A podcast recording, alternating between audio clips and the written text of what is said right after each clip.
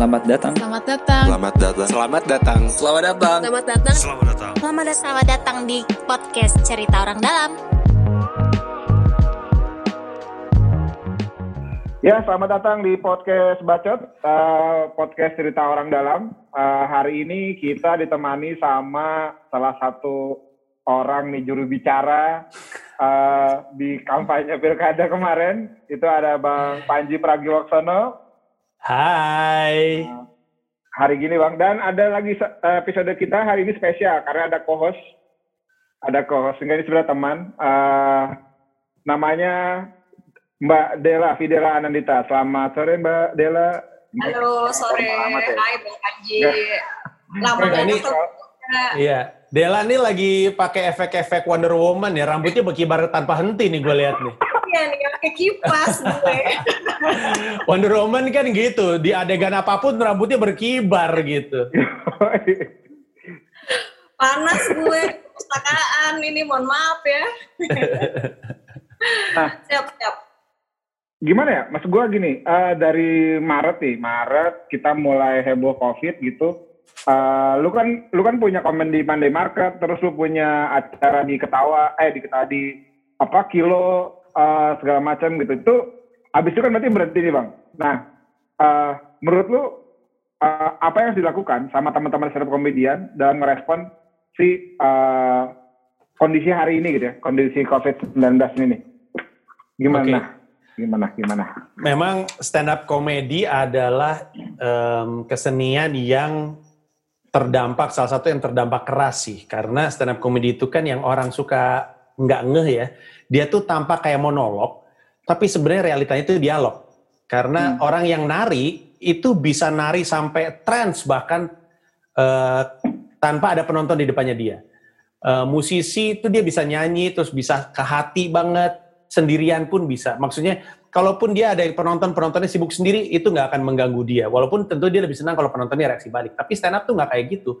Stand up itu prakteknya tuh dialog karena setiap kali gua ngelempar sesuatu wajib ada timbal balik. Dan kalau timbal balik itu nggak ada, tidak terasa kayak stand up. Dan itulah kenapa Raditya Dika bilang stand up itu selalu punya tiga elemen, materi, delivery, dan penonton. Tidak ada salah satu, bukan stand up comedy.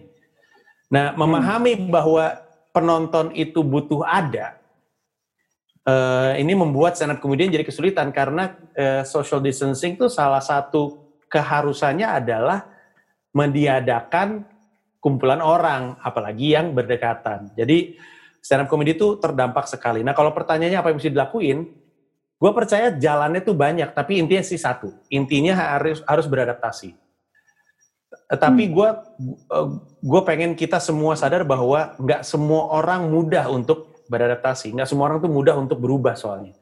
Beradaptasi untuk apa? Banyak nih satu. Misalnya ketika kita nggak bisa dapat job dari panggung seperti biasanya, kita beradaptasi dengan melawak di sosmed. Melawak dari Instagram itulah kenapa saya selama pandemi bikin konten-konten aneh. Kolaborasi dengan Aureli, kolaborasi dengan Malik yang di Essential, aneh-aneh lah pokoknya. Orang lagi nyanyi, gue ngelawak di situ, gue tabrakin. Atau bikin lila show, atau gue bikin konten YouTube. Gue sekarang lagi, salah satu produk yang lahir gara-gara pandemi itu ada namanya Berita dari Neraka. Kebetulan uh, Gubernur DKI Jakarta tuh sering jadi target di Berita dari Neraka. Cuman uh, maksud gue uh, bisa adaptasinya ke situ.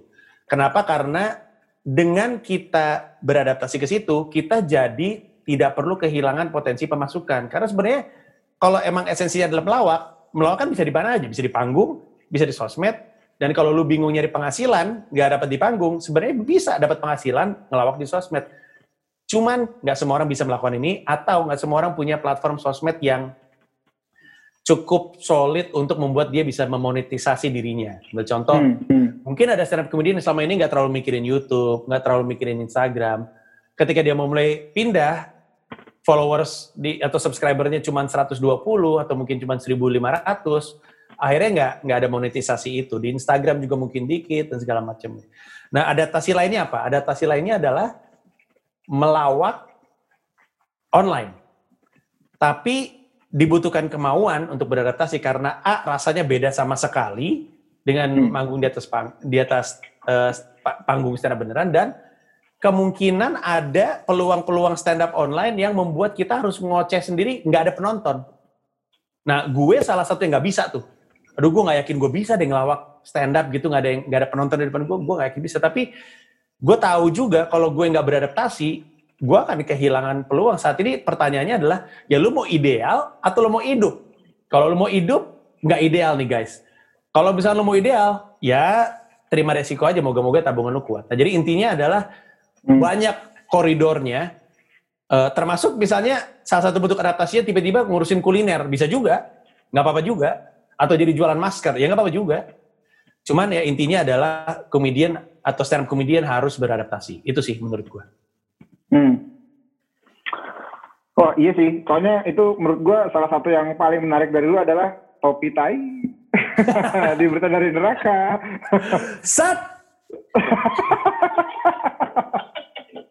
itu dia, itu Keluar itu dong. itu seperti yang dan maksud gue itu jadi jadi salah satu lu kan salah satu yang yang ini ya yang yang apa langsung gitu langsung shifting. Gue apa kelihatan banget ya begitu drop eh, berhenti lu langsung shifting berubah jadi bikin konten YouTube-nya lebih banyak bikin show lebih lebih sering gitu. Di mana kalau kondisi biasa kan lu nggak nggak nggak se, nggak sebanyak itu sih ingat gue ya. Nggak sebanyak itu bikin konten eh, di YouTube dan di Instagram. Tapi emang kan nggak nggak apa ya namanya nggak nggak se wah dong dibanding hari-hari biasanya dong gitu kan. Nah eh, ada nggak sih diskusi sama teman-teman eh, teman-teman stand up comedian gitu eh, tentang kira-kira kita bisa eh, bikin bentuknya kayak gimana nih gitu. Eh, eh, untuk respon si si si COVID ini gitu. Ada nggak sih Ya. terobosan-terobosan yang udah dipikirin? Gitu? Sebenarnya udah dan saat ini sedang dikerjakan. Jadi eh, gua kemarin udah ngumumin ke masyarakat bahwa gua dan kantor gua di perusahaan gua eh, bulan ini di akhir di minggu terakhir akan merilis sebuah produk namanya comika.comedy.club. Jadi lu bayangin comedy club tapi live video streaming. Wow. Em, ini akan jadi solusi untuk stand up comedian yang emang nggak bisa pivot, yang cuman punya kemampuan melawak. Eh, permasalahannya live video streaming selama ini itu kan gratis. Jadi Hmm. eh, gue rasa sih anak anak band atau penyanyi itu job live streamingnya banyak. Tapi kebanyakan job live streaming itu gratis. Yang bayarin pihak ketiga yaitu sponsor. Atau mungkin nggak ada pihak ketiga sama sekali, manggung gratisnya untuk amal. Nah, itu jadi produk normalnya sekarang. Eh, Hmm. Sebuah kenormalan ngeliat orang manggung di streaming secara gratis. Nah, tapi kan tantangannya adalah em, brand ini nggak nggak setia. Dia cuman mungkin cuman acara ini doang mau ngebayarin kita manggung. Mungkin acara-acara lain kita nggak diajak. Tapi kan sebagai pemanggung kan kita butuh duit. Berarti yang paling eh, benar adalah hidup dari penonton kita, dari orang yang biasanya beli karya kita. Nah, jadi gue berpikir kira-kira nih orang yang biasa nonton stand up off air mau nggak ya dikasih streaming tapi bayar gitu. Em, dan ketika kemarin gue sempat eksperimen bikin Comika Afterlife, ternyata mereka mau dan akhirnya kita pikirkan ya udahlah eh, daripada kita pakai platform orang eh, terus udah gitu kita banyak kekurangan di sana sini mending kita bikin aja platform sendiri. Bagaimana kalau kita bikin sebuah venue stand up tapi online, orang bisa registrasi, beli tiket di situ, mereka bisa pilih show tanggal segini nonton si ini, tanggal ini persis kayak stand up eh, kayak stand up comedy club tapi ini streaming. Um, dan akhirnya kami kembangkan um, termasuk tools-tools keamanannya kayak sebelum lu beli tiket kita ngasih tahu bahwa lu nggak boleh ngerekam, nggak boleh nyebarin, terus lu nggak boleh ngehackle atau ngeganggu. Kalau itu terjadi lu akan diusir. Ketika orang udah beli tiket pun sebelum dia masuk ke venue-nya, venue eh, virtualnya, akan ada pop-up informasi. Sekali lagi kami ingatkan, lu nggak boleh ngeganggu, nggak boleh segala macam. Kalau ya lu di-kick gitu. Ketika masuk, um, experience-nya ya eh, biasa open gate, misalkan acara jam 8, jam 7 open gate. Jadi orang-orang yang pegang, tiket bisa masuk, nunggu jam 8 acara mulai, 2 jam acara ngelawak. Setelah itu mereka pulang udah. Itu semua live aja gitu. Dan em, apa namanya ada sebuah kebahagiaan tersendiri nonton show berbayar ketimbang show yang gratis karena mereka tahu kalau gue bayar biasanya ini ada jok-jok yang beresiko nih. Yang kalau misalkan ada di YouTube live, ini orang bakal tersinggung. Gue mau bayar untuk nemuin jok yang bikin gue bahagia, yang geng-geng tersinggung nggak pada masuk lah karena yang yang beli tiket adalah yang pengen. Nah itu Itu jadi andalannya uh, akhir minggu ini kita akan mulai dan di bulan Juli di bulan ulang tahunnya Stand Up Indo, komunitas stand up, kami akan dengan resmi melaunching itu. Nah, itu adalah. Nora. Itu Seru, seru, seru. Kenapa kenapa? Maksudnya apakah, platformnya pakai Zoom gitu atau kayak gimana tuh yang kebayang platformnya? Eh, sebenarnya sih semacam jadi kombinasi dari berbagai macam plugin, tapi bukan Zoom sih. Oh, Oke. kombinasi dari berbagai macam plugin yang kemudian kita jadiin, makanya kita sebutnya layanan ya ketimbang produk karena ada beberapa yang kita ngambil teknologi-teknologi eh, yang tersedia, tapi layanan terintegrasi itu mulai dari ticketingnya, terus nontonnya, security-nya dan segala macamnya.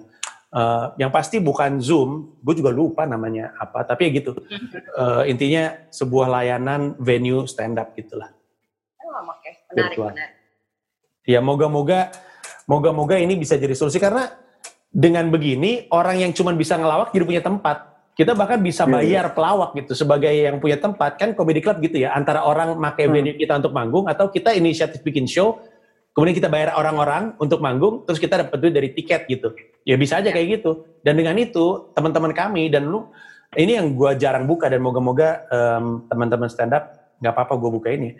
Yang banyak orang nggak tahu bahkan di antara para stand up comedian pun saat ini itu banyak yang hidup dari uh, pinjaman, banyak hidup dari sumbangan karena mereka punya anak, nggak punya panggung, sosmed nggak kuat, panggilan TV misalnya nggak ada. Nah dengan ini gue tahu persis mereka siapa-siapa aja, gue bisa ajak mereka udah uh, manggung di acara gue, gue bisa bayar lu dan akhirnya mereka punya penghasilan lagi, gitulah. Hmm.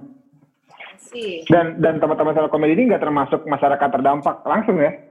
Maksudnya kan kalau yang terdampak langsung kan kayak ojol, dipecah, atau yang di PHK, segala macam Ya. teman-teman stand up comedy ini kan bukan orang yang terdampak. eh, mungkin bukan cuma stand up comedy ya, pekerja hiburan tuh bukan yang terdampak langsung sehingga dapat bantuan dari pemerintah gitu. Iya, Iya. iya. Nah, uh, apa namanya? Sama kondisinya kayak ini, kayak kru panggung. Iya. Eh, eh, apa kru yang Iya, kerjanya iya betul sekali Em, gua gua denger gua denger katanya ada eh, kementerian yang bilang sama pekerja seni untuk ngedata eh, jadi ada gue lupa persisnya tuh ditjen dari kementerian apa tapi mereka sempat ngomong sama orang-orang perfilman Iya. coba lu data deh kru lu tuh siapa aja nanti kita coba siapin paket untuk mereka terus orang-orang event juga coba didata deh Eh, nanti kita kasih paket tapi kenyataannya kan paketnya belum kelihatan dan gue bisa memaklumi maksud gue eh, akan sangat mudah untuk masyarakat Indonesia melihat industri panggung ini bukan sesuatu yang prioritas. Jadi mereka akan Ya. bilang, aduh ngapain sih? Itu kan mereka kan artis semua. Padahal di dalam dunia hiburan tuh banyak yang bukan artis gitu, kru lighting, kru panggung, kru sound. Eh, jadi gue bisa mem- memaklumi kalau pemerintah eh, nggak bisa secara terbuka atau secara langsung ngasih ini nih paket bantuan untuk hiburan gitu. Jadi ya udah, akhirnya orang-orang kayak kami-kami ini em, em, kalau nunggu bantuan pemerintah lama, jadi makanya kalau film tuh asosiasi produser film tuh pada sabaran sendiri untuk Hmm. krunya masing-masing. Nah itu itu yang belakangan ini terjadi gitu. Ya itu kan gue beberapa ada temen ini sih bang, ada teman-teman penari gitu, mereka juga bilang apaan? Udah udah ngedaftarin terus pendataannya lama banget. Ya udah kita ngurusin sendiri deh. Mereka bikin donasi. Apa sih kayak kayak solidaritas gitu loh. Betul. bikin buat bareng-bareng apa segala macam terus ya jadi bikin ngebuka eh, apa kelas-kelas nari gitu. Ma- malah eh, ya udah lu nyumbang buat kelas nari. Jadi emang kebayang banget sih eh, job-jobnya udah udah kayak gimana nih kagak ada job gue kalau nggak ada event gitu Dan Iya, yang iya. gua dan yang gue selalu bilang sama semua orang adalah bagus untuk kita bikin sumbangan. Kayak ayo kita ngumpulin duit untuk segala macam. Tapi kalau kita pikir-pikir ini kita mau berapa lama nih perekonomian didorong dari sumbangan gitu. Eh, It doesn't make sense gitu. Kita harus nemu solusi untuk membuat orang kerja lagi. Itu itu sumbangan terbaik yang ditunggu orang. Solusi untuk bikin orang kerja lagi supaya roda ekonominya muter lagi dan masyarakat nggak boleh untuk pikir gimana sih lu kok lagi pandemi malah lu nyari duit loh. Justru ketika pandemi kita mesti kembali nyari duit, mesti kembali Iya. berputar seperti biasa. Itu yang wajar, itu yang nggak ngebebanin pemerintah, itu yang ditunggu pemerintah bahkan. Makanya gue tahu masyarakat lagi pada ngamuk soal em, kecenderungan pemerintah pusat untuk melonggarkan. Gue paham nih, ada ada ada ada kekesalan dari masyarakat. Gimana sih katanya nggak mau gelombang kedua, tapi gue paham itu datang dari mana. Pemerintah ini berapa banyak duit sih yang mereka mesti siapin untuk economical package gitu. Um, pemerintah butuh roda ekonomi untuk berputar kembali dan feeling gua tanpa ngomong secara terbuka, pemerintah di mana pun itu daerah ataupun pusat itu sebenarnya berharap ada kreativitas dari pelaku industri untuk membuat industrinya muter lagi dalam kondisi pandemi dalam rangka memutar roda ekonomi.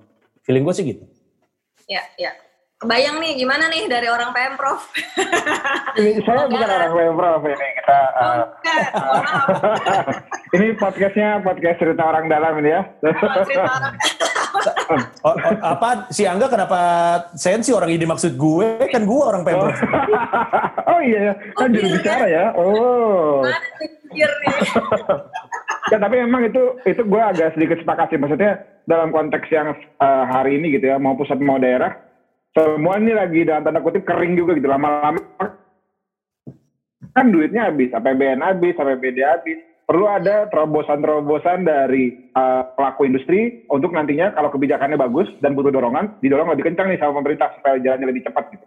Um, makanya menarik ketika salah satunya kenapa sih gitu kenapa kita gue pengen ngobrol gitu ngobrol tentang ini karena pada Jakarta ini kan kota industri jasa ya kota industri jasa eh, mereka hidup dari hiburan Am, kalau misalnya hiburannya berhenti eh, kemarin kan beberapa waktu yang lalu gubernur DKI Jakarta sempat ngumumin nih APBD udah di cut 41 di- tinggal tinggal sekitar 40 miliaran dari eh 40 triliun dari 86 triliun yang punya dipunya Berarti kan memang ini sebenarnya terdampak nih. Makanya uh, menarik kita ketika cari tahu nih orang-orang yang yang ada di industri hiburan nih sekarang punya terobosan apa ya? Jangan-jangan ada yang bisa didorong, uh, ada yang bisa dipermudah, tapi juga tidak punya potensi menyebabkan COVID uh, menyebar lagi karena ya uh, begitu ada satu orang yang kena yang repot satu negara gitu. Itu yang yang yang makanya harus diantisipasi gitu. Ya. Nah, Dela ini kan itu juga kan sering sering apa jadi pembicara-pembicara Del gitu. Sebenarnya kalau dalam konteks pembicara-pembicara gitu, sekarang apa sih yang berubah setelah COVID? Waduh, pembicara mah Bang Panji, public speaker. Ya kan Anda juga. Aduh. Emang pembicara so tahu saya mah. kalau jadi kalau kalau gue tuh kan lebih ke arah sharing ke komunitas ya, sharing ke komunitas, terus workshop workshop. Jadi sekarang yang dilakukan adalah gimana caranya itu semua dipindahin jadi online. Jadi kayak pakai uh, workspace itu misalkan pakai murah ini nggak apa-apa ya gue nyebut merek ya. Nih Nggak apa-apa dong. podcast Apa dong? jadi yang kayak gue pakai mural atau pakai Miro atau pakai workspace yang kebayangnya bisa nempel-nempel post-it, bisa ngasih komentar dan segala macem. Terus pakai Zoom kayak gini untuk eh, sesi tanya jawab gitu. Misalnya kayak kalau ada yang nanya nanya dulu di chat atau kalau ada yang mau sharing feeling apa segala macam bisa di chat atau pakai reaction ya. Pokoknya teknis-teknis yang sebetulnya gimana caranya mindahin experience dari online eh, dari offline ke online?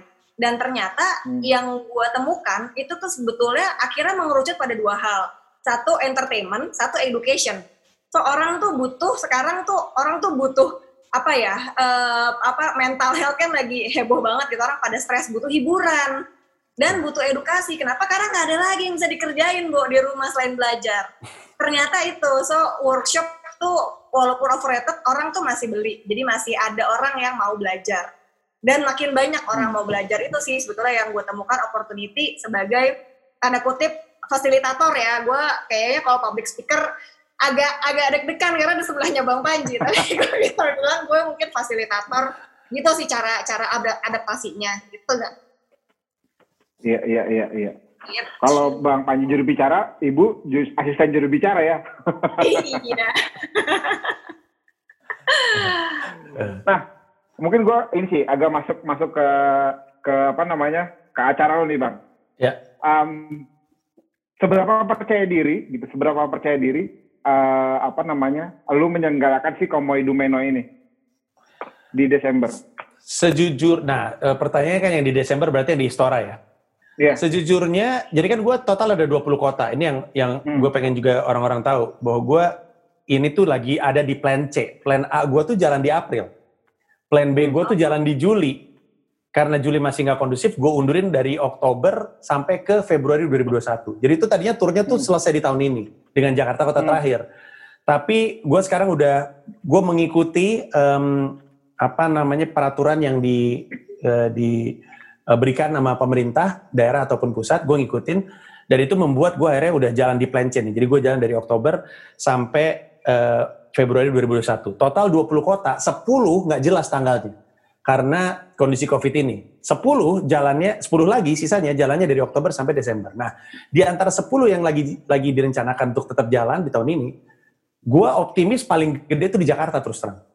Uh, untuk beberapa hmm. alasan. Pertama karena jaraknya masih Desember dibandingin dengan yang ada di Oktober ya. Uh, walaupun Oktober hmm. juga masih berapa bulan ke depan, tapi Desember ini masih enam bulan ke depan. Jadi hmm. masih sangat dinamis, um, kondisi mungkin masih berubah uh, kondisi psikologis masyarakat terhadap COVID-nya juga mungkin berubah, kita nggak tahu.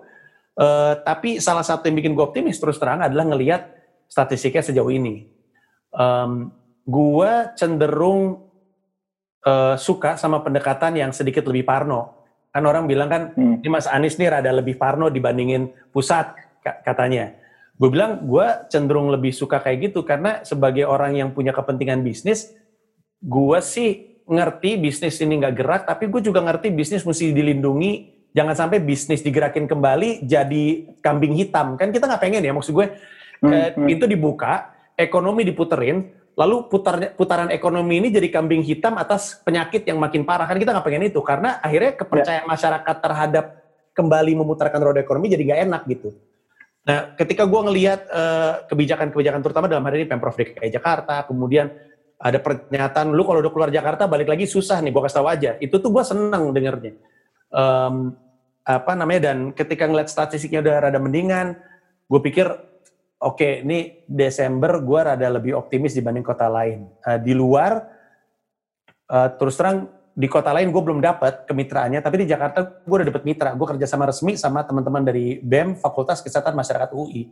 Orang-orang yang paham orang-orang yang uh, ada pada bidangnya dan orang-orang yang akan ngebantu gue untuk memastikan show di Istora ini dipikirin uh, aspek kesehatan, dipikirin protokol COVID-nya.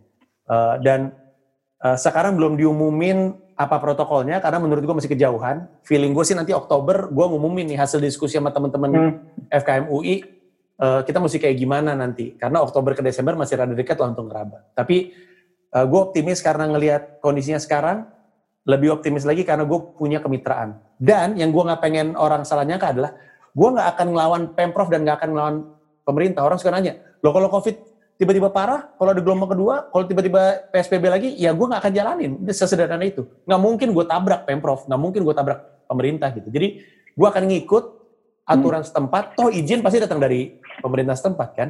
Gue akan ngikut hmm. dan kalau misalkan gue diizinin, gue akan mastiin bahwa izin ini layak diberikan karena gue proper nyiapinnya. Secara aspek kesehatan gue pikirin. Gitu. Hmm. Intinya sih seperti itu. Ya, Bang, mau nanya hmm. nih, gue agak galau pengen beli tiket lo. Kemarin dikasih share apa, eh siapa yang mau beli tiket bapak? gue kayak aman gak sih? Jadi ya. kayak bayangnya apa yang akan terjadi, worst case-nya kan tadi kan ngomongin kayak uh, hal terparno gitu. Worst case-nya apa yang akan terjadi ketika orang-orang udah beli, terus ternyata ya ini makin parah ini um, apa namanya uh, kondisinya peningkatan ah, kondisinya tambah parah terus dari pemprov kasih kebijakan enggak kita terakhir nih karena kan fasenya terakhir ya kalau yang kerumunan massa tadi juga nanya sedikit sama Angga so what would you do kalau itu terjadi jadi gue uh, tahu beli apa enggak nih Iya, gue orang tuh selalu nanya gitu kan. Jadi ada orang yang, aduh gue nahan dulu deh, gue nggak usah beli sekarang atau uh, kalau misalkan gue udah beli terus udah gitu pandeminya memburuk gimana? Gue selalu bilang bahwa dari sisi gue, gue juga nggak nyaman untuk bikin pertunjukan kalau kondisi pandeminya uh, tiba-tiba kembali parah. Jadi gue akan bilang, kalau emang kayak gitu gue akan undur acaranya. Tapi nggak di dalam benak gue, gue nggak pernah ada strategi, uh, bukan bukan strategi ya, nggak ada ada nggak pernah ada opsi batal.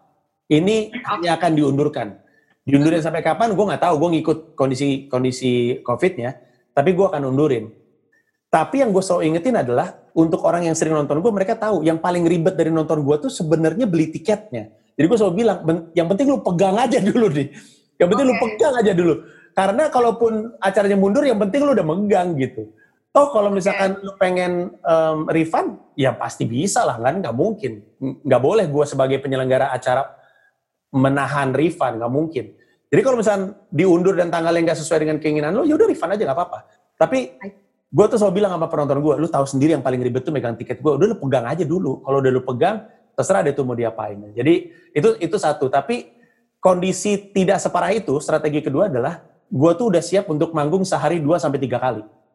Jadi misalnya ternyata dibilang ehm, Mas Panji kalau mau bikin di bulan Desember harus dijarakin. Oh ya udah kalau gitu kapasitas gue 7.500, gue bikin dua atau gue bikin tiga kali pertunjukan tergantung berapa jarak yang disepakati sama teman-teman dari BEM FKM UI. Em, dan buat gue itu bukan hal yang aneh karena gue sering manggung dua kali sehari gitu. Di luar negeri juga biasa. Jadi em, kalau ternyata mesti dijarakin, kalau ternyata mesti dimaskerin pun gue nggak apa-apa. Dan gue tahu ini kondisinya mungkin tidak ideal, tapi menurut gue tadi eh, Dela sempat ngomong, yang gue sadar persis, ternyata show gue tuh ditunggu. Jadi ada semacam tanggung jawab juga. Gue tuh hampir setiap hari terima DM dari orang, Bang, makasih udah bikin konten lucu, makasih YouTube lucu, makasih Instagram lucu, makasih bikin show di Desember, karena gue butuh untuk nyari sesuatu untuk membuat gue nggak stres, nggak depresi. Jadi di satu sisi gue ngerasa ada tanggung jawab itu, jadi gue akan bekerja sebisa mungkin untuk memastikan ini terjadi, tapi tanggung jawab gue juga membuat lu aman. Jadi kalau misalkan akhirnya jadi dua pertunjukan dan rasanya aneh di Istora akan ada jeda-jeda, gue akan bilang sama penonton gue bahwa guys ini kondisinya em, kalau lu pengen dihibur sama gue dan membuat depresi lu lepas atau stres lu lepas, this is the condition. I think this is the best that you can get. Eh, gue akan bisa hibur, maksud gue penonton gue tahu gue seperti apa kualitasnya di depan 300 dan 3000 orang, rasanya gue sama aja dan gue akan tetap bisa menghibur sama baiknya. Jadi mereka nggak harus khawatir gitu. Mantap. Itu sih. Mantap. Siap. Menarik, menarik. Karena gue gue ngerasa ya, gue sebagai penonton penonton stand up comedy gitu ya, eh, memang kayak pe- pengen apa ya, penasaran dengan eh, gue gue berharap eh, dengan lu buka presale gitu dalam waktu dekat jual tiket banyak yang beli eh, dengan kasih standar, oh ternyata bisa loh dengan ada ada standar kesehatan masing-masing, itu ngedorong orang-orang yang tadi yang yang yang akhirnya bisa hidup dari lawak la- live gitu bisa mulai gitu, bisa mulai lagi ngegerakin ekonomi, bisa mulai lagi bisa mulai lagi dapat pekerjaan gitu. Itu sih yang yang jadi ditunggu-tunggu gitu karena eh apa namanya? Iya, semua orang butuh hiburan.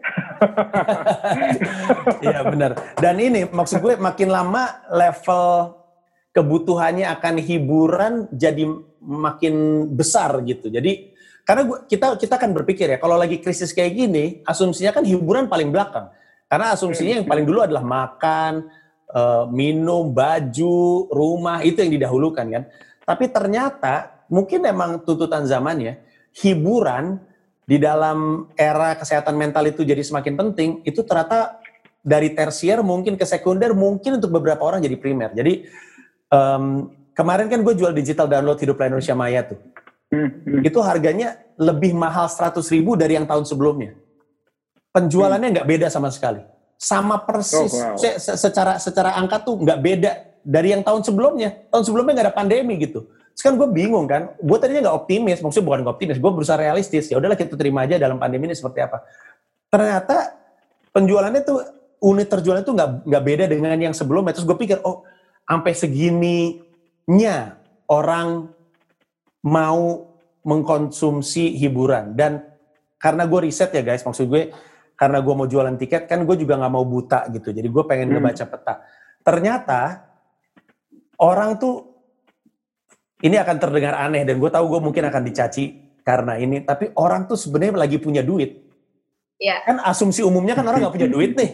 Asumsi orang Iya, umumnya kan iya, iya. orang nggak punya duit dan mungkin sebagian masyarakat nggak punya duit betul tapi ada sebagian masyarakat lagi yang punya duit orang yang sebenarnya nyimpen untuk liburan tapi dia nggak berani keluar kota dia nyari hiburan di dalam kotanya dan itu berarti event menurut gua. Makanya gue bilang sama orang-orang sebelum kan pemerintah bilang nanti travel akan booming lagi. Tapi sebelum travel booming menurut gue yang duluan booming itu experience eh, experience produk gitu. Jadi kayak konser kayak acara lawak acara musik yang di dalam kota. Jadi orang yang eh, nggak berani ke Bali nggak berani ke Singapura oh gue nyari di sini aja deh gitu. Dan juga ada orang yang ini aneh banget ada orang gue gua gua riset kan gue tanya lu dalam corona ekonomi ini tetap mau beli tiket gue atau enggak? Jawabannya gini, tetap bang, karena justru karena corona, gue jadi nggak banyak jajan.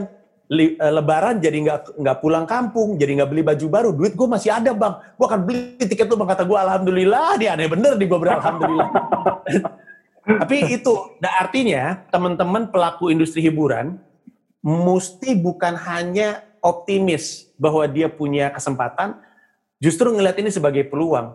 Kalau lu mulai mikirin gimana caranya bikin show dalam kondisi seperti ini, lu akan jadi orang-orang yang merasakan uh, apa namanya gelombang besar kebutuhan akan hiburan. Dan gue lihat Raisa tetap jalan di November. dia dia bahkan lebih gede penontonnya. Terus ada beberapa hmm. festival katanya lagi bersiap-siap untuk bikin festivalnya tapi dengan social distancing gitu. Um, dan gue sendiri, gue tuh mempelajari semua. Gue mempelajari mall. Kalau nggak salah, Mas Anies tuh abis rilis konten dia diundang sama asosiasi apa yang nunjukin asosiasi mall, mall kemarin. Iya. Ya, gue pelajari tuh apa yang mau lakukan karena besar kemungkinan itu akan gue lakukan juga. Uh, gue gue udah mikirin jarak antrian masuk ke gedung, jarak antrian, gue bahkan mengurangi um, kontak fisik di Istora, hmm. dikurangin drastis. Kalau bisa nggak ada kontak fisik, nggak ada kontak fisik. Semuanya gue pikirin dan gue mempelajari yang lain. Kenapa? Karena ketika uh, eh, gue nemu jalan keluar untuk tetap bisa bikin pertunjukan di situasi seperti ini, di saat itulah gue akan kembali membahagiakan orang yang lagi butuh hiburan dan juga um, memutar roda ekonomi um, di industri gue. Itu kurang lebih. Itu bener, itu bener banget sih bang. Maksudnya gue tuh ngerasain banget soal punya duit karena ya di rumah kan jajan berkurang gitu. Terus kebutuhan kebutuhan entertainment. Nah kemarin tuh gue donasi ini sebetulnya donasi sih ke uh, apa Phantom of Opera. Jadi mereka buka donasi untuk support uh, seniman-seniman di sana. Ya udah gue bayar untuk nonton nonton si YouTube-nya. So ya yeah, it happens dan some people have money. Bahkan kayak aduh gue mau ngurangin screen time, gue beli puzzle deh gitu. Maksudnya kayak I have the money to to buy entertainment karena it's actually my needs gitu. So ya yeah, yeah. itu sangat fun uh, riset-risetnya Bang Panji tadi sih. Iya, dan gue ada cerita, menurut gue nih insight yang menarik sekali dari Arman Maulana. Hmm. Uh, Arman cerita soal kerusuhan 98. Uh, Arman dan bandnya Gigi yang sudah sangat gaek itu, itu uh, waktu kerusuhan 98, uh, itu kan bakar-bakaran tuh di Jakarta tuh segala macam. Dan salah satu yang paling jadi korban itu industri rekaman karena kebanyakan label Indonesia kantornya tuh di di kota uh, hmm. kantor mereka dan bakar-bakaran itu membuat banyak album jadi kebakar, banyak uh, produk jadi kebakar dan segala macamnya. Nah, Arman kebetulan labelnya itu kantornya di Menteng uh, dan kantornya nggak kena bakar. Hmm. Gigi saat itu sebenarnya udah selesai rekaman dan pengen ngerilis produk. Terus mereka meeting nih antara Gigi dengan label. Pertanyaannya adalah, ini lagi krisis kayak gini, bukan cuma ekonomi, tapi kondisi sospolnya lagi nggak enak. Kita rilis atau enggak ya? Terus labelnya bilang udah kita rilis aja lah. Tapi kita nggak usah nggak usah hopeful. Kita rilis karena barangnya udah ada. Yang terjadi adalah ketika mereka pikir ya udahlah uh, relain aja yang penting karyanya kita keluar udah jadi ternyata penjualan albumnya itu luar biasa. Kesimpulan hmm. pertama mereka adalah ternyata ketika yang lain lagi nggak bisa ngerilis produk dan mereka ngerilis produk, orang yang selama ini tetap butuh hiburan, kendati pun sospolnya lagi susah, atau mungkin justru sospolnya lagi susah, justru ketika lagi mencekam, justru ketika ekonomi mungkin lagi menyulitkan untuk mereka belanja sesuatu yang mahal, ada produk yang membuat mereka bilang, akhirnya ada sesuatu yang ngasih, ada ada yang ngasih gue hiburan, dikonsumsi. Jadi penjualannya mengejutkan lah untuk Gigi dan untuk labelnya. Terus Gigi sama labelnya ngomong, kita tur nggak ya? Lagi kayak gini, aduh susah banget kerusuhan di mana-mana. Labelnya bilang, ya udahlah tur seadanya aja. Kalau dapat izin, ya udah. Kalau nggak dapat, ya udah. Ternyata dari rencananya kalau gue nggak salah 25 kota atau 35 kota, semuanya terlaksana dan ternyata baik-baik aja, nggak ada apa-apa gitu. Nggak ada kerusuhan, nggak menyebabkan kerusuhan, nggak menyebabkan keirian sosial. Kesimpulannya apa? Kesimpulannya eh, dalam masyarakat Indonesia dalam kondisi mencekam kelihatannya justru butuh jalan keluar dan kalau nggak ada yang menyediakan jalan keluar itu mereka akan tetap dalam kondisi kepala kalut. Nah tanggung jawabnya yang punya karya adalah bantu orang, bantu masyarakat supaya alat eh, produk ini hiburan ini bisa nyampe ke mereka. Nah tantangannya kan beda-beda gitu ya. Kalau misalkan zaman kerusuhan mungkin cara nyampeinnya mesti dipikirin seperti ini. Nah sekarang pandemi yang mesti dipikirin sama orang yang ada di industri hiburan adalah di luar sana ada banyak orang stres, mereka butuh kita ke sana, tapi tantangannya pandemi. Nah kita mesti gimana? Nah itu itu yang jadi tantangan kita semua dan itu juga yang gue pikirin. Makanya gue kerjasama sama anak-anak uh, BEM FKM UI. Hmm. Hmm. Menarik sekali insight yang menurut gue itu inspiratif gitu, hopeful. Iya iya iya betul. Dan dan dalam kondisi sekarang ya itu tadi semua memang butuh hiburan dan pasti menurut gua menurut gua industri kreatif itu pasti akan ketemu formatnya cuma sekarang masih wait and see uh, kira-kira apa nih yang dibutuhin gitu. Ya eh, ini sebenarnya sebenarnya gini sih. Gua, gua ini selalu gue bilangin sama teman-teman pelaku industri hiburan.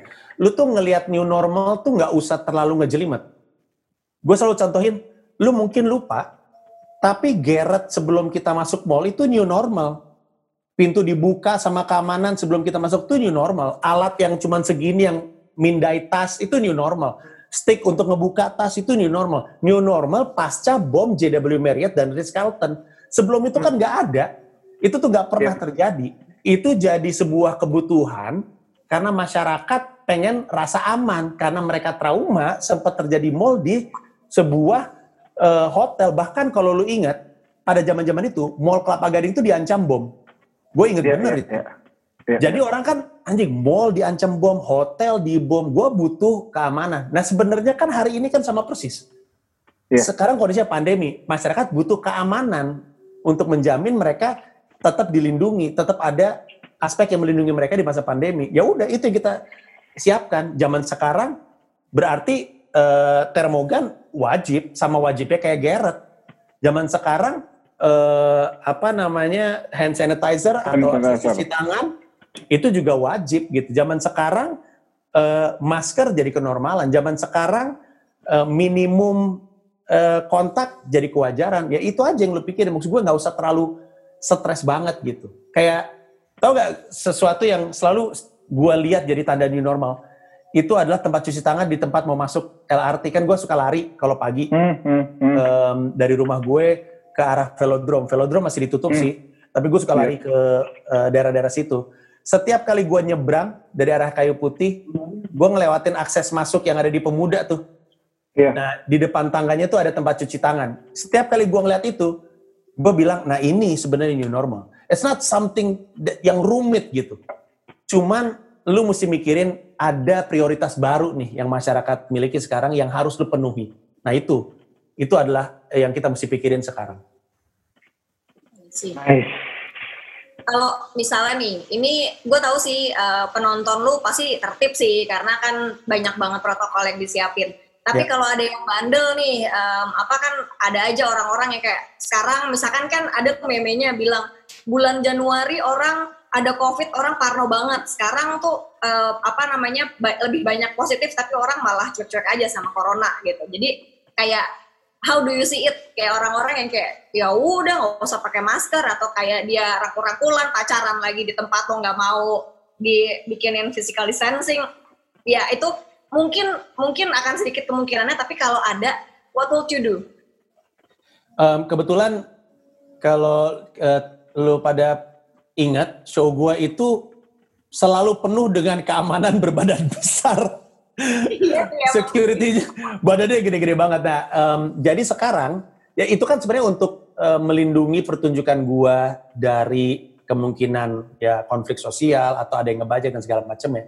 Tapi kami udah ngomong, ini sekarang keamanannya tuh akan punya tugas baru. Mereka diminta untuk menindak tegas orang-orang yang nggak ngikutin aturan kami.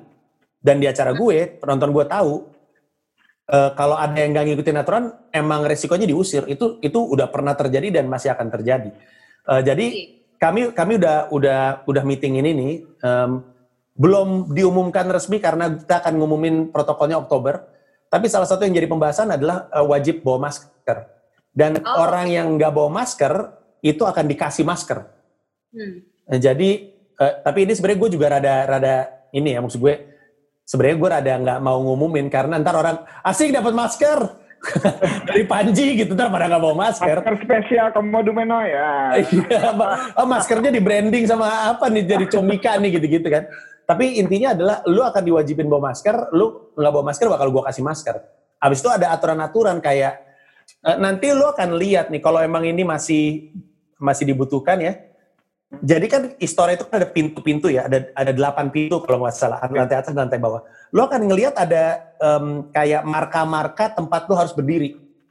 Yang kalau lu melanggar itu, itu ditegur. Kalau ditegur sekali masih ngulang diusir. Jadi Oh, see. eh, it- ini adalah sebuah keharusan, lu nurut aturan, lu nggak nurut aturan ya lu cabut gitu. Dan tujuannya sebenarnya sederhana kok, untuk kenyamanan semua orang. Kayak kalau misalkan ada yang nonton stand up gue terus ngoceh mulu, itu diusir. Tapi bukan karena hanya dia yang ngoceh, tapi karena ngocehnya dia itu mengganggu orang lain. Nah ini prinsipnya sama nih sama protokol COVID. Gue gue ngusir lu tuh bukan cuman karena lu ngelanggar aturan, tapi ngelanggar aturannya lu ini bikin orang lain gak nyaman. Nah kan gue mesti mikirin yang benar. Maksudnya orang-orang yang mau ngikutin aturan ya udah lu gue usir gitu. Itu sih Iya, iya. akan terjadi. Nah mungkin eh, ini eh, terakhir kali ya, gue mau nanya. Ini pertanyaan gue terakhir. Kalau di daerah lain itu akan memperlakukan hal yang sama. Maksudnya kan ada beberapa daerah, tentunya kan penerimaan masyarakat di sana dengan COVID itu pasti beda-beda kan. Eh, apakah apa yang akan lu terapkan di Jakarta nanti juga berlaku untuk di sana? Dan eh, eh, apakah SKMU ini yang yang partner lu tadi di Jakarta itu juga akan eh, bisa dalam hal ini eh, cover tempat-tempat yang lain yang jadi target eh, daerah lu tur gitu. Ya, jawabannya adalah iya. Semua yang kami rencanakan untuk dijalankan di Jakarta akan diduplikasi di semua kota, termasuk kerjasama dengan FKM atau FK yang ada di tiap kota. Tapi Hmm. bukan UI berarti. Jadi di Semarang, di Surabaya, di Makassar, kami akan kerjasama dengan teman-teman kampus setempat untuk mau jadi em, apa namanya kayak konsultan kami untuk urusan kesehatan dan pelaksana protokol COVID. Nah, ada ada kota yang ada FKM, ada kota yang ada FK, ya, ya kita cari mana yang bermitra. Tapi semua kota pasti akan kemitraan itu, karena itu strategis buat kami mendapatkan izin dari pemerintah setempat juga soalnya. Kita mau Hmm. bilang bahwa Pak, gue mau bikin acara, tapi gue pikirin nih, dan yang mikirin bukan cuma gue, orang yang emang kuliahnya itu, dia punya akses terhadap orang yang eh, berkepentingan, terhadap orang yang ngerti dan segala macamnya termasuk protokol-protokol yang akan dijalankan, termasuk kemungkinan manggung 2-3 kali. Gue ambil contoh ini, ini baru gue dapat informasinya dan em, mungkin ada baiknya gue cerita juga. Semarang itu target gue tuh sebenarnya 2000 penonton. Hmm. Venue-nya kapasitas 2000 penonton, yang udah deal nih, gue udah deal sama venue kapasitas 2000. Kemarin gue dapat pengumuman, mereka bilang kalau lu mau tetap bikin acara di sini, lu cuma bisa pakai 500 orang per acara. Akhirnya gue bilang, Hmm. gue tanya nih, gue tanya sama si uh, tim gue, kalau empat kali gue nggak mungkin nih. Minimalnya mesti berapa kali untuk nutup? Dia bilang tiga kali. Oke fix ya udah tiga kali. Jadi tadinya rencana jual 2000 tiket, kayaknya gue kurangin jadi 1500 tiket dan gue jadiin tiga kali show. Jadi ada satu show sebelum maghrib, dua show setelah maghrib. Artinya gue udah pasti akan em, mengutamakan protokol dan tidak gue tabrak karena tujuan utama gue adalah gue ingin bisa menghibur, gue ingin berhasil bikin acara untuk menghibur masyarakat gue dan demi keberhasilan itu supaya masyarakat penonton gue ini bisa dihibur, gue harus memikirkan aspek kesehatan. Jadi itu akan terjadi, semua protokol akan dijalankan, kemungkinan manggung 2 sampai 3 kali per kota gue buka kalau dibutuhkan, termasuk kerjasama dengan teman-teman yang pada bidangnya untuk ngurusin protokol COVID-nya. Itu kurang lebihnya. Nice. Mbak Dela mungkin Ya foto-foto nggak ada ini ya. Foto-foto pakai physical distancing ya nanti ya bakalan. Iya betul, betul. Jadi eh, bahkan eh, dalam rencananya, kalau biasanya kan kami berdiri ini semuanya di berdiri, terus eh, apa namanya bisa rangkulan dan segala macamnya. Kalau yang eh, apa namanya yang dilihat sekarang kayaknya bakal dikasih kursi, terus kursinya dijarakin. Jadi bukan titik untuk antara titik untuk mereka berdiri atau kursi. Kemarin akhirnya kursi karena prediksi gua eh, karena per grup jadi nggak bisa banyak-banyak. Kalau dulu kan sekali foto bisa berlima, berdelapan, bersepuluh. Hmm. Sekarang nih sekali foto nih kayaknya maksimal bertiga, cuman gue satu dan satu, sehingga waktu yang dibutuhkan untuk foto jadi lebih panjang nih. Dan itu berarti guanya jadi lebih capek. Jadi kita akan udah lu kasih kursi aja dulu santai lu duduk, tapi eh, semuanya bisa tetap berfoto sama lu gitu. mantap. Mantap. Beli ini gue kayaknya abis ini bang kalau masih ada sisa. siap siap. Dan untuk yang lain, kalaupun lu merasa eh, aduh gue tetap nggak yakin. Gue nggak apa-apa karena masih ada periode lain guys, masih ada periode pri, kan yang Juni tanggal 20 Juni kan periode Wong Soyudan. Wong Soyudan tuh. Ya, itu cuma nama doang, jadi lu nggak mesti jadi anggota apa, itu cuma nama doang, lu tetap bisa beli di loket, nanti loket.com. Uh, ada periode Wong Soyudan, tapi kalaupun lu bilang gue nahan diri deh, masih ada periode pre-sale itu di bulan Agustus. Kalau lu masih hmm. nahan diri, tahan aja, masih ada periode harga normal di Oktober. Tapi memang makin ke sana harganya makin mahal. Jadi hmm. ya lu ukur resiko lu sendiri. Kalau misalnya lu bilang nggak apa-apa deh harganya naik, yang penting gue merasa ketika gue beli gue secure, ya udah lu tahan aja. Masih ada kesempatan hmm. lain, tenang aja. Intinya gitu. Siap. Siap, thank you. Siap. Iya, ini uh, uh, menarik juga ya. Uh, maksud gue, maksud gue ini ini salah satu terobosan itu salah satu terobosan dari warga negara ya untuk membuat roda perekonomian tetap berjalan. Uh, tapi bisa juga semoga banyak menurut gue sih semoga banyak teman-teman di hiburan yang mulai percaya diri ya sama uh, untuk memutar ekonomi karena karena ya uh, pasti nggak akan didahulukan dapat bantuan, tapi tetap tapi jadi prioritas hiburan buat masyarakat gitu. Uh, thank you banget nih Bang Panji udah udah uh, sharing bareng. Uh, jangan lupa beli tiketnya Komai Domeno, gue rencana juga mau beli. Uh, Tersinggung oleh panji.com, itu dia tempatnya. Nah, Tersinggung oleh panji.com. Oleh panji.com. Ya. Yang penting dapat tiketnya dulu. Masa nontonnya nanti kapan? Itu semoga tetap Desember. Uh, ya karena kalau Desember berarti bisa, tandanya COVID sudah lebih baik. Amin, amin, amin, amin, amin, amin. Thank you ya. Bang Panji, selamat sholat maghrib ya. Terima kasih semuanya. Semoga laris ya Bang, pasti laris ya. Amin, amin, amin.